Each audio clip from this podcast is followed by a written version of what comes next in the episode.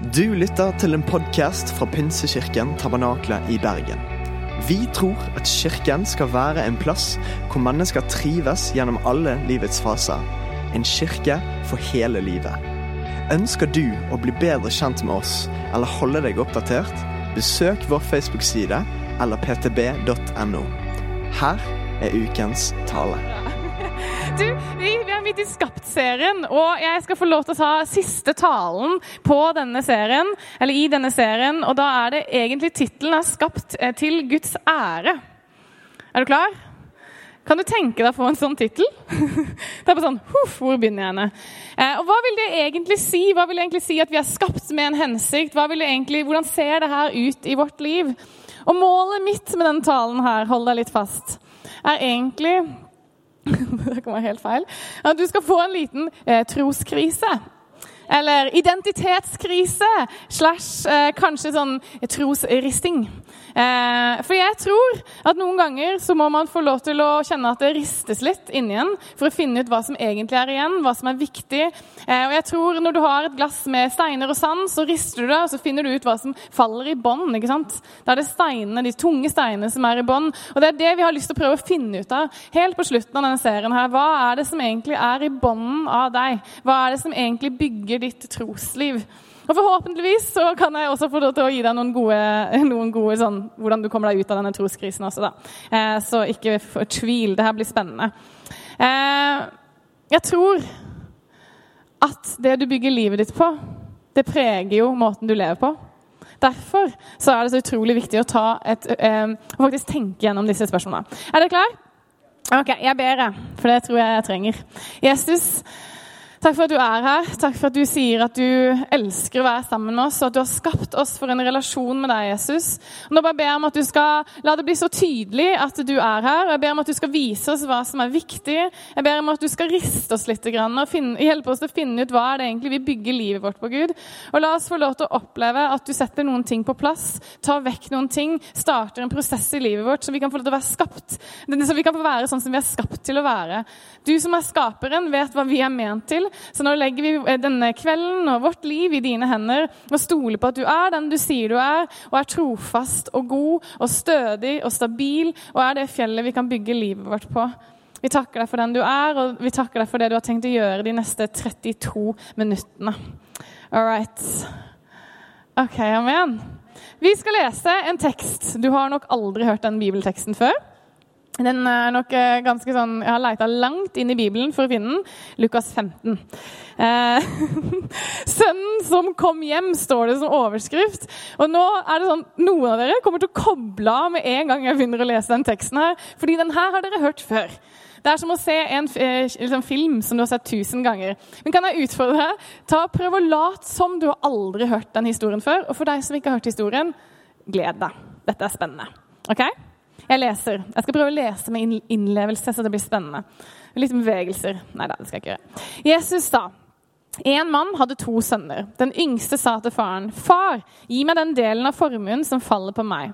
Han skiftet da sin eiendom imellom dem. Det betyr at han delte. bare som det er sagt. Ikke mange dager etter solgte den yngste sønnen alt sitt og dro til et eh, land langt borte. Der sløste han bort formen sin i et vilt liv. Da satt, eh, men da han hadde satt eh, alt over styr, kom det en svær hungersnød over landet, og han begynte å lide nød. Da gikk han og søkte eh, tilhold hos en av innbyggerne der i landet. Og mannen sendte ham ut på markene sine for å passe grisene, gulljobben. Han ønsket bare å få mette seg med de belgfruktene som grisene åt, og ingen ga ham noe. Da han kom til seg selv, det er en deilig setning, da han kom til seg selv og sa da kom han til seg selv og sa, hvor mange leiekarer hjemme hos min far har ikke mat i overflod, mens jeg går her og sulter i hjel? Jeg vil bryte opp og gå til min far og sier, Far, jeg har syndet mot himmelen og mot deg. Jeg fortjener ikke lenger å være sønnen din, men la meg få være en som en av leiekarene dine. Dermed brøt han opp og dro hjem til faren. Da han var langt borte, fikk faren se ham, og han fikk inderlig medfølelse med ham. Han løp sønnen i møte, kastet seg om halsen på ham og kysset ham. Sønnen sa, 'Far, jeg har syndet mot himmelen og mot deg.' 'Jeg fortjener ikke lenger å være sønnen din.' Men faren sa til tjenerne sine, skynd deg, finn fram de fineste klærne og ta på, eh, dem på ham. Gi han ringen på fingeren og sko på føttene, og hent gjøkalven og slakt den, så, vi, eh, så vi vil, eh, vil vi spise og holde fest. For denne sønnen min var død og er blitt levende. Han var kommet bort og er funnet igjen. Og så begynte festen og gleden. Del 1. Sønnen som kom tilbake. Denne historien har du da hørt tusen ganger. Og jeg vet at du sikkert vet en del om hvordan den kulturen her var på den tida når Jesus fortalte historien. Fordi at eh, Vi har hørt den historien, og mange har prekt mye på dette før. Men eh, jeg tror det er litt viktig at vi bare tar noen av de tingene som er litt sånn nøkkel nøkkelting for å forstå historien. Når jeg flytta til Australia for mange år siden, eh, så var det ikke sånn at det var en stor greie å flytte til Australia. Eh, jeg visste at mamma pappa og vennene mine og familien min kom til å savne meg. Men det var på en måte ikke sånn at jeg, liksom, jeg snudde liksom, ryggen til familien min og forlot de og forråda de. Det var liksom ikke sånn der eh, Aldri igjen skal jeg se dere. Nå tar jeg med meg alt jeg eier og flytter. Det var ikke sånn. Det var jo bare Jeg flytta til Australia, og så bodde jeg der noen år, og så kom jeg tilbake igjen. Mens på den tida så var det sånn at du aldri forlot familien. Du bodde, jobba, levde sammen med familien din. Var, du levde på en, et område, du hadde en, en, et land eller et sted som du hørte til. Du bygde familiebedriften. Ditt navn kom fra den, det stedet du var fra. Akkurat litt sånn som vi har i Norge noen ganger. så har vi sånn, Jeg heter Bjørnø, og jeg er fra Bjørnøy. Wow! Alle sier wow! Ja, dypt. Og landet var knytta til identiteten din. Det er ikke sånn at når jeg reiser hjem til Bjørnøy føles ikke det hjemme i det hele tatt. Men når jeg reiser til Bjørne, så er det ikke sånn der, Oi, her føler jeg at identiteten min liksom, Nå kommer den på plass! Det er ikke sånn det funker. Men på den tiden så var det sånn at identiteten din og landet ditt hang veldig sammen. Det kan hende at det er litt sånn Johanna føler når hun reiser tilbake til Varhaug. Eh, og jeg vet ikke, men jeg kjenner ikke på det. Navnet ditt identiteten din, alt hang sammen med dette landet. Så når du solgte eiendommen din, så solgte du en del av identiteten din.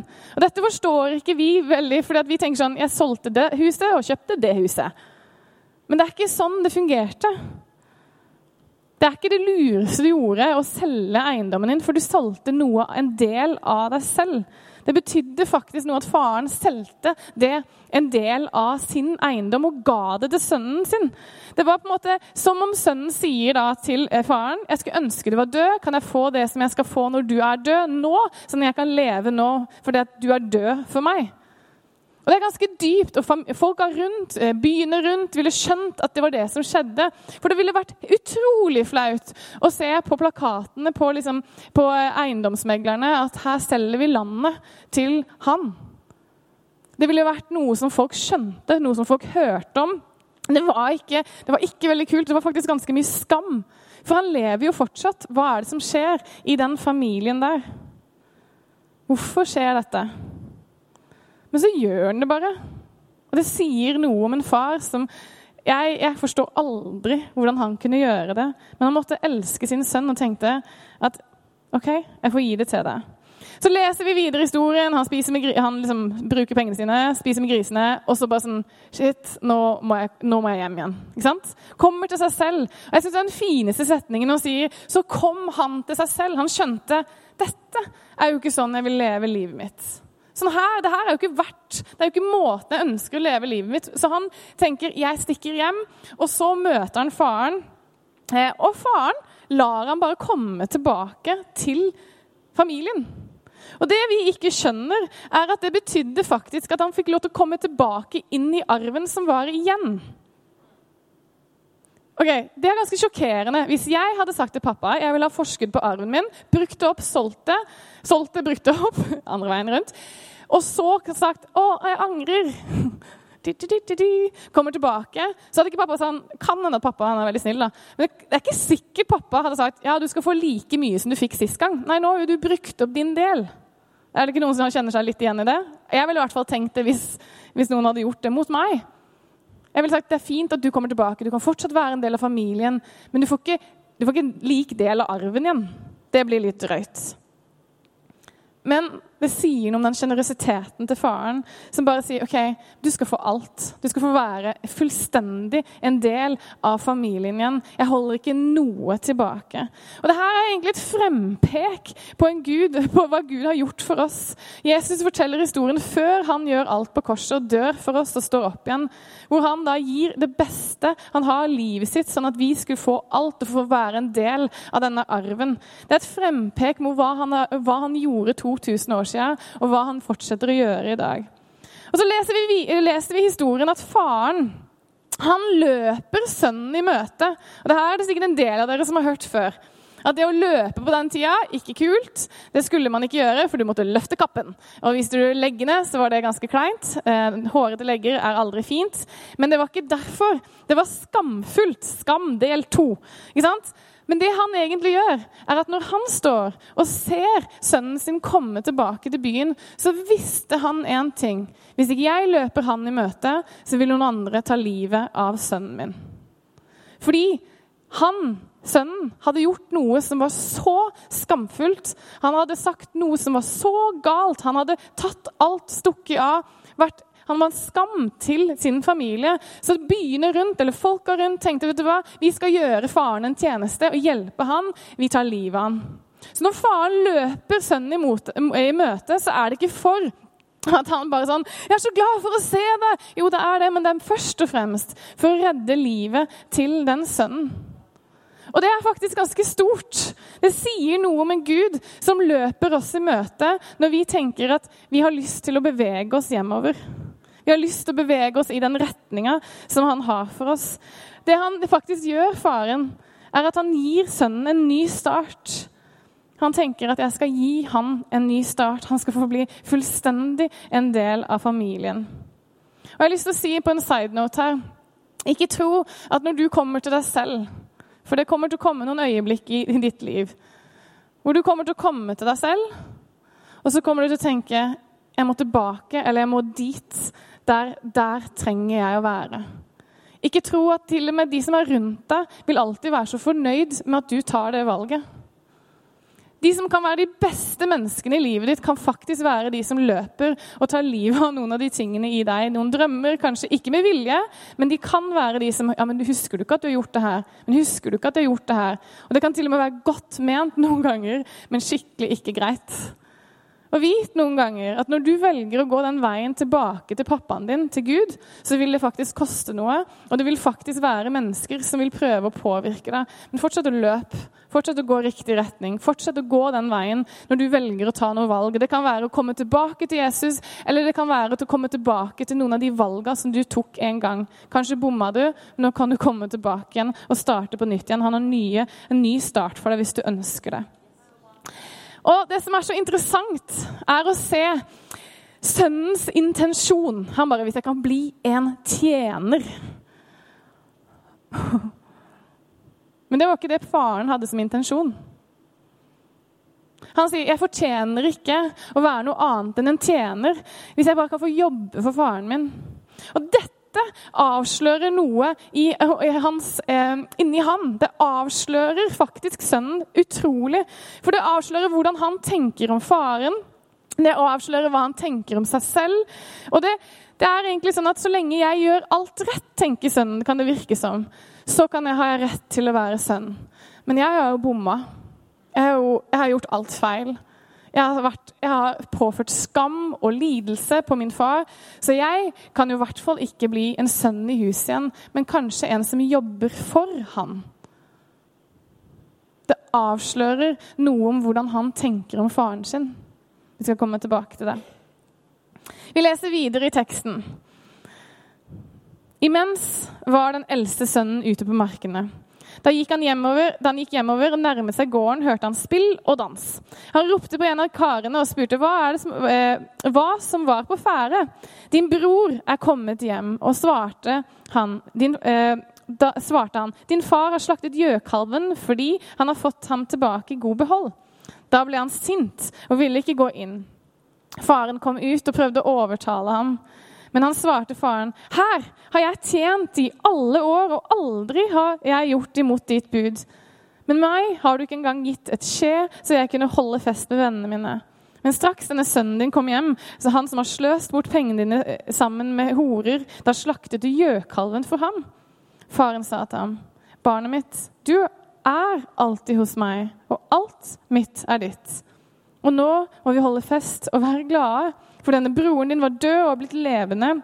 Han var kommet bort og er funnet igjen. Del to sønnen som ble igjen. Vi tenker ofte at denne sønnen han eh, er litt sånn snurt, for han fikk ikke noe fest. Han fikk ikke noe skje. så jeg bare tenker sånn Hvorfor får jeg ikke et skje? Eh, vi tenker at dette er nøkkelen i historien. Jeg ville ha en fest. ikke sant? Alle tenker det? Nei, jeg vet ikke. Men det er ikke det som egentlig er nøkkelen i denne historien. La oss lese en del igjen. Her har jeg tjent deg i alle år, og aldri har jeg gjort imot ditt bud. Men meg har du ikke engang gitt et skje, så jeg kunne holde fest med vennene mine. Men straks sønnen din kommet hjem, da, da, da, da, så går det videre. Her er en utfordring. Jeg, jeg, jeg, jeg. Nå har jeg vært her. Nå har jeg vært her og jobba for deg i så mange år. Og plutselig så kommer denne sønnen løpende tilbake. Du løper han imot, som egentlig er dritflaut, egentlig. Og så skal han være en del av arven. Det betyr mindre for meg. Han har jo fått sin del. Hvorfor skal jeg få den delen her da? Nei, Hvorfor skal jeg få mindre del da? Jeg hadde blitt irritert sjøl. Jeg er ganske sikker på hvis broren min hadde fått mer enn meg. Altså, Det ikke greit. Jeg husker når vi fikk liksom ostepop i en lite sånn bringebær-syltetøy-plastkopp. Og hvis det var én ostepop mer på den ene sida enn den andre åh, Jeg var så sint. Og kan du tenke deg landet, eiendommen Nå har jeg jobba her, han har vært ute og levd livet. ikke sant? Og så bare kommer han tilbake, og plutselig så får han, får han være med i min arv. 50% 50% 50 er borte. Nå har jeg 25% igjen. Skjønner du? Hvem hadde blitt irritert? La oss være seriøse her. Ok, Nesten alle sammen. Takk for at dere ikke er så uh, Ja, det er bra dere er ærlige.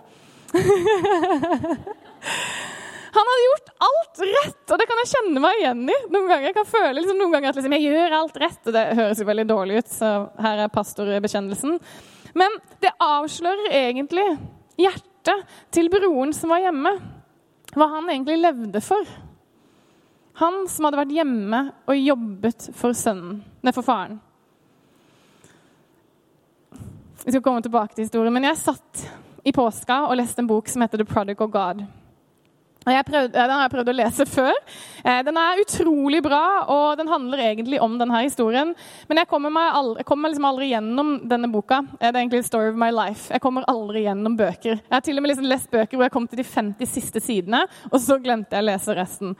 Det er ikke greit. Og Denne gangen i påska så tenkte jeg nå skal jeg lese denne boka ferdig. Jeg er klar, jeg skal ikke gi meg.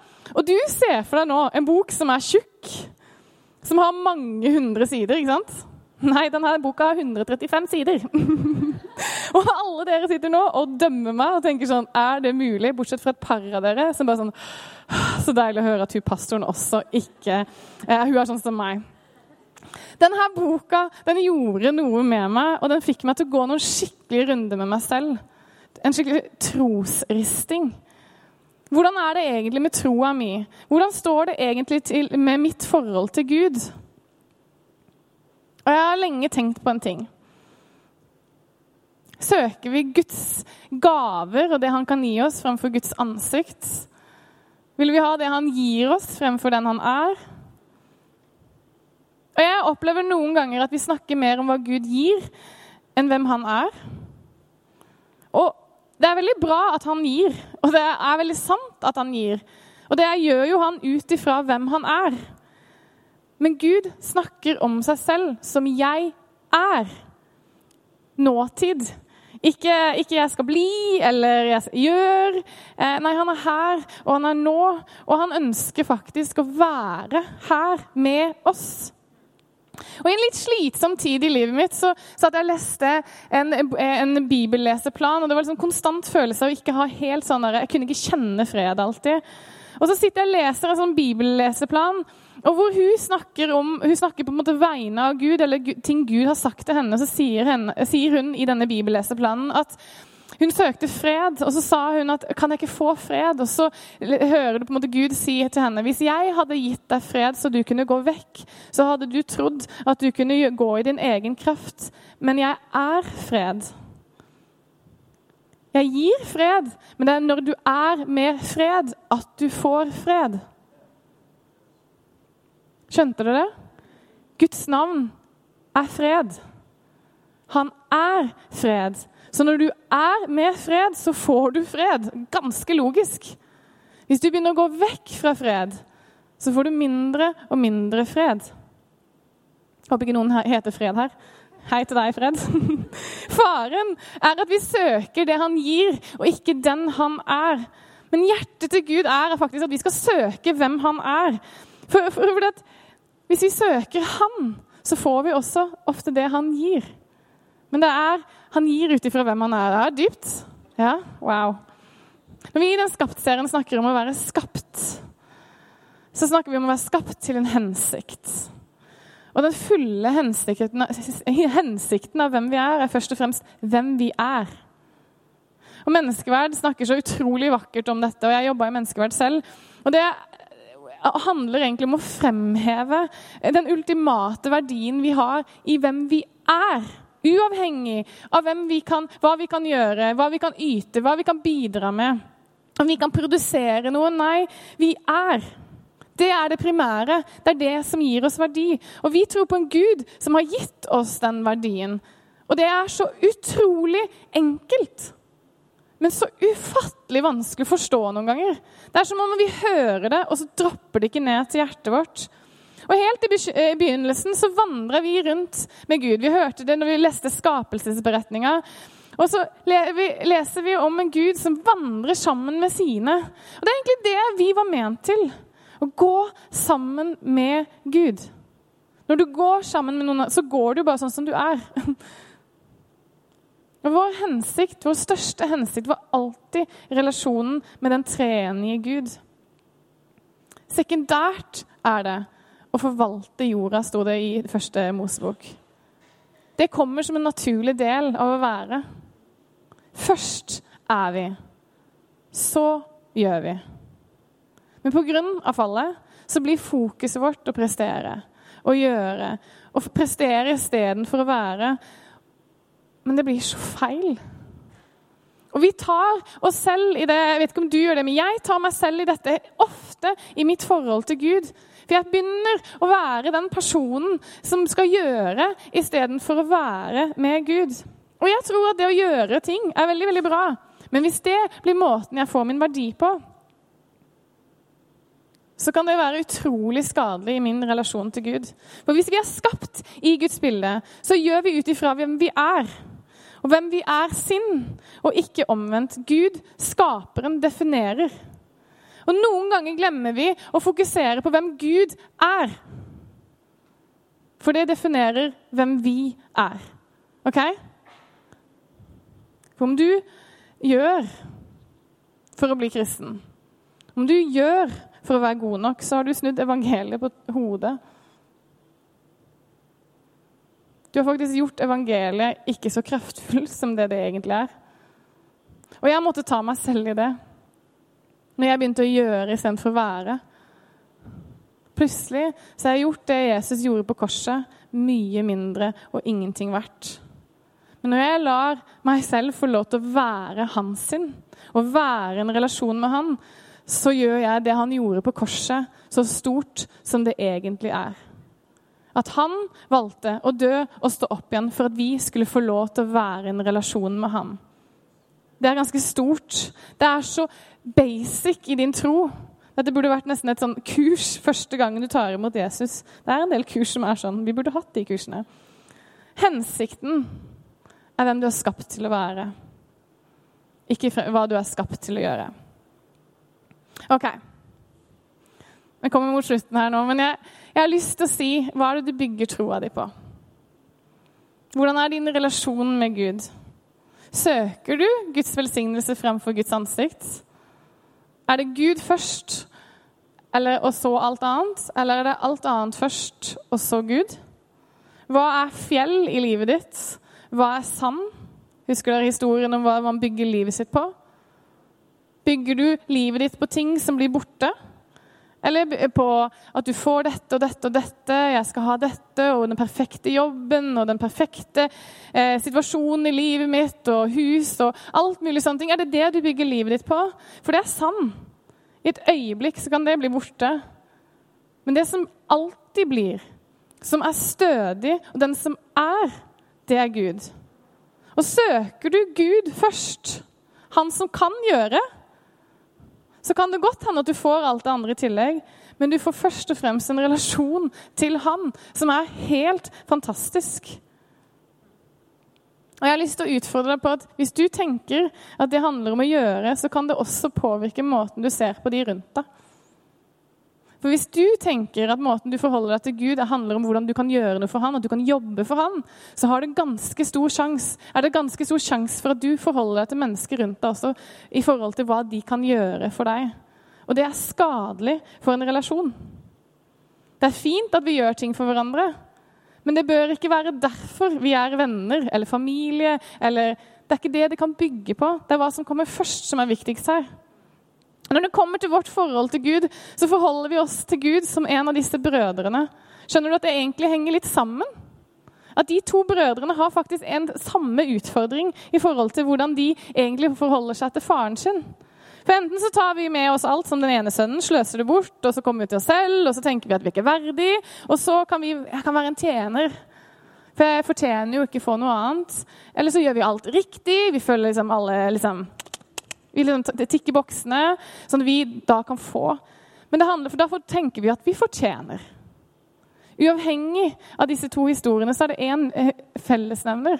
Det er at de faktisk begge tenker at jeg fortjener eller ikke fortjener noe av Gud først. Og ikke denne relasjonen er ikke, relasjonen er ikke viktig egentlig her. Det er en historie i Bibelen som står, hvor det kommer en mann til Jesus og sier han, 'Hva kan jeg gjøre for å bli frelst?' Og hele problemet i den historien her, eller den settinga der, er ikke alle de tingene han må gjøre for å bli frelst, for Jesus tester han litt. Men han sier, han, mannen sier, 'Hva kan jeg gjøre for å bli frelst?' Vi lurer oss selv til å tro at hvis vi gjør ABC, 1, 2, 3, hvis vi gjør dette dette dette, så er vi gode nok. Da kan vi være frelst. Da kan vi fikse dette selv. Men igjen så kommer vi tilbake til å vanne ut evangeliet. Det er ikke det det handler om. Det handler om at Gud er den som gjør, og vi får være på grunn av hvem han er. Vi kan aldri gjøre oss selv frelst. Vi snakker ofte om han som kommer hjem. Men hva med han som har alltid vært hjemme? Jeg tror kanskje Det er noe som de flere av oss kan kjenne oss litt igjen i. Han har gjort alt riktig. Eh, og så blir han sint når broren kommer hjem og vil bli en del av familien. Jeg tror ikke derfor at han ikke er glad i familien sin eller broren sin. Jeg tror det handler egentlig om det at han har jobba for noe så lenge, og så kommer broren og så ødelegger han alt. Hadde broren kommet tilbake og han hadde ikke fått en del av arven, så hadde han sikkert tenkt det er riktig, det er rettferdig, du kan fortsatt få være en del av familien. Men hvis ikke han hadde fått vært en del av arven, så hadde han ikke vært en fullstendig del av familien heller. Det er en konsekvens at hvis du er en del av familien, så har du full del av arven også. Jeg bare tror kanskje at han sønnen som var igjen, tenkte det var sin tid. Det er min tur nå å få det jeg fortjener. Og så er han skikkelig skikkelig skuffa.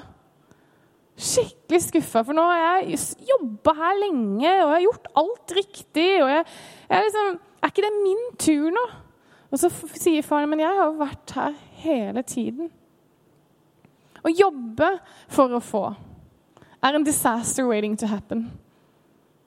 I en relasjon, i et vennskap, hvis du jobber for å få noe tilbake, så er det ikke en god relasjon. Det avslører faktisk noe om din relasjon til noen andre. Det er faktisk ganske dypliggende. For da, Hvis relasjonen begynner å vakle, eller hvis vennskapet begynner å eh, rakne, har du lagt merke til at du begynner å telle litt på vipsen? At du begynner liksom å bli litt mer gnien?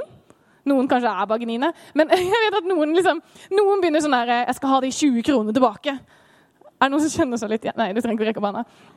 Jeg tror at det er noe med at når, å, når, relasjonen begynner å vakle, så begynner man å telle på knappene, man begynner å telle på kronene, man begynner å liksom bli litt mer gnien. Fordi at relasjonen er ikke bygd på hvem man er, den er bygd på hva man kan gjøre for hverandre. Og det er ganske utrolig. Det er ganske vanskelig å gjøre noe med hvis det er det det er bygd på. Men Guds relasjon vår kan faktisk ikke være sånn. Fordi er, Hvis vi er skapt i Guds bilde, så er vi ikke skapt til å telle på knappene. Vi er ikke skapt til å vippse de 20 kronene tilbake. Når vi gir penger inn i kirken, så er ikke det en måte å få noe av Gud. Vi gir ikke for å bli velsigna av Gud på den måten. Nei, vi sår inn i noe som kan bli noe større, som blir en velsignelse for andre mennesker. Og Derfor så blir vi velsigna når vi gir. Men det handler ikke om at jeg gir 20 kroner for 20 kroner tilbake. Det er ikke sånn det fungerer. Det er så interessant, er at når man begynner å telle på knappene, så begynner man å sammenligne seg, man begynner å misunne. Man begynner å tenke eh, hvis, jeg, hvis, jeg, gir dette, så får jeg dette. Eh, og så begynner man å tenke at Gud er liksom Han har liksom en kake. og når de får dette, så betyr det mindre igjen til meg, og så begynner man å bli gnien. Det handler faktisk om hvordan man forholder seg til Gud. Og jeg tror flere av oss kjenner oss igjen i den broren som var hjemme. Som tenkte at vi måtte gjøre alt riktig. Tenkte at vi måtte, vi måtte gi så mye, gjøre dette og dette og dette, for da ville kanskje Gud bli fornøyd med oss. Og så ville vi få det vi endelig fortjente. Den der tingen som vi hadde drømt om, eller den jobben, eller hva enn det skulle være. Og så er det ikke sånn det fungerer. Fordi vi tenker at vi vet hva som er rettferdig. Men hvem definerer egentlig det? Vi sier ofte at Gud elsker alle like mye. Det er løgn. Gud elsker alle unikt. For Hvis han elsker deg på akkurat samme måte som han elsker alle andre, er det egentlig da bra? Nei, Gud kjenner deg, og han vet akkurat hva du trenger og han elsker deg på den måten som du trenger. Han elsker deg unikt, ikke helt likt. Det er ikke ostepopbegerne. Det er ikke sånn ostepop her, ostepop der. Det er ikke sånn det funker. Alle som liker ostepop, si ja. Ja, Det var ikke så veldig mange. Vårt forhold til Gud kan aldri være som en arbeidstaker. At jeg er Guds arbeidstaker. Jeg kommer og så søker en jobb hos Gud, men det er ment å være et barn en venn, en tett relasjon. Og vår hensikt er å være en tett relasjon med Skaperen. Er, vår hensikt er først og fremst å være. Det er først og fremst å være han sin. Så til slutt har jeg lyst til å stille deg noen spørsmål. Hvordan er din tro, ditt gudsbilde? Hvordan er din tillit til Gud? Er han mer enn nok? Er han din skatt? Hva, har du noen, sett, noen, ganger sett et sånn fruktbeger, og så skal du ta tak i det, og så skjønner du at det er bare papp? Eller trolldeig? Tenker du noen ganger at, at, liksom At Gud bare har liksom noe sånn dårlig til deg? Tenker du at liksom Forholder du deg til Gud som at du kan få eh, At du tenker at du kan få liksom bare kjipe ting av han? Fordi at han gir, han, Hvis han har gitt det hus, så får han ikke, da er det ikke nok igjen til meg. Det er ikke sånn det fungerer. Hva, hvordan er din tillit til Gud? For det er når du er med Gud, at du finner din tillit til Gud. Er han mer enn nok? Og hvis han er det, hva betyr det for livet ditt? Om svaret ditt på disse tingene her, hvordan din tros, liksom, trosliv er Er det ja eller nei eller tja? Så jeg har lyst til å utfordre til slutt til å si det til han. For det er helt greit om du tenker at han ikke er mer enn nok, at han ikke er bra nok. At du kanskje finner ut at jeg er litt mer som den sønnen som var igjen, eller den sønnen som var langt borte og tenker nå skal jeg være en tjener, eller jeg trodde at jeg skulle gjøre alle disse tingene for å fortjene. Hvis du er her og gjør, tenker det, det er helt greit, men si det til han. Si det til en akkurat sånn som du, du, vil si det til en. Ikke hold noe tilbake. Ikke lat som ting. Ikke prøv å være noe bedre kristen enn du er. Bare vær. Vær den du er. Si det til han. Snakk med han. For han står faktisk med åpne armer, enten du føler du har skuffa han så sykt eller ikke. Om du føler du har gjort alle ting riktig eller ikke. Snakk til han. Vær ærlig. Jeg tror aldri Gud, eller jeg vet at Gud aldri har bedt oss jobbe for han. Eller gjøre oss fortjent for han. Nei, for det begynte med en Gud som ga alt.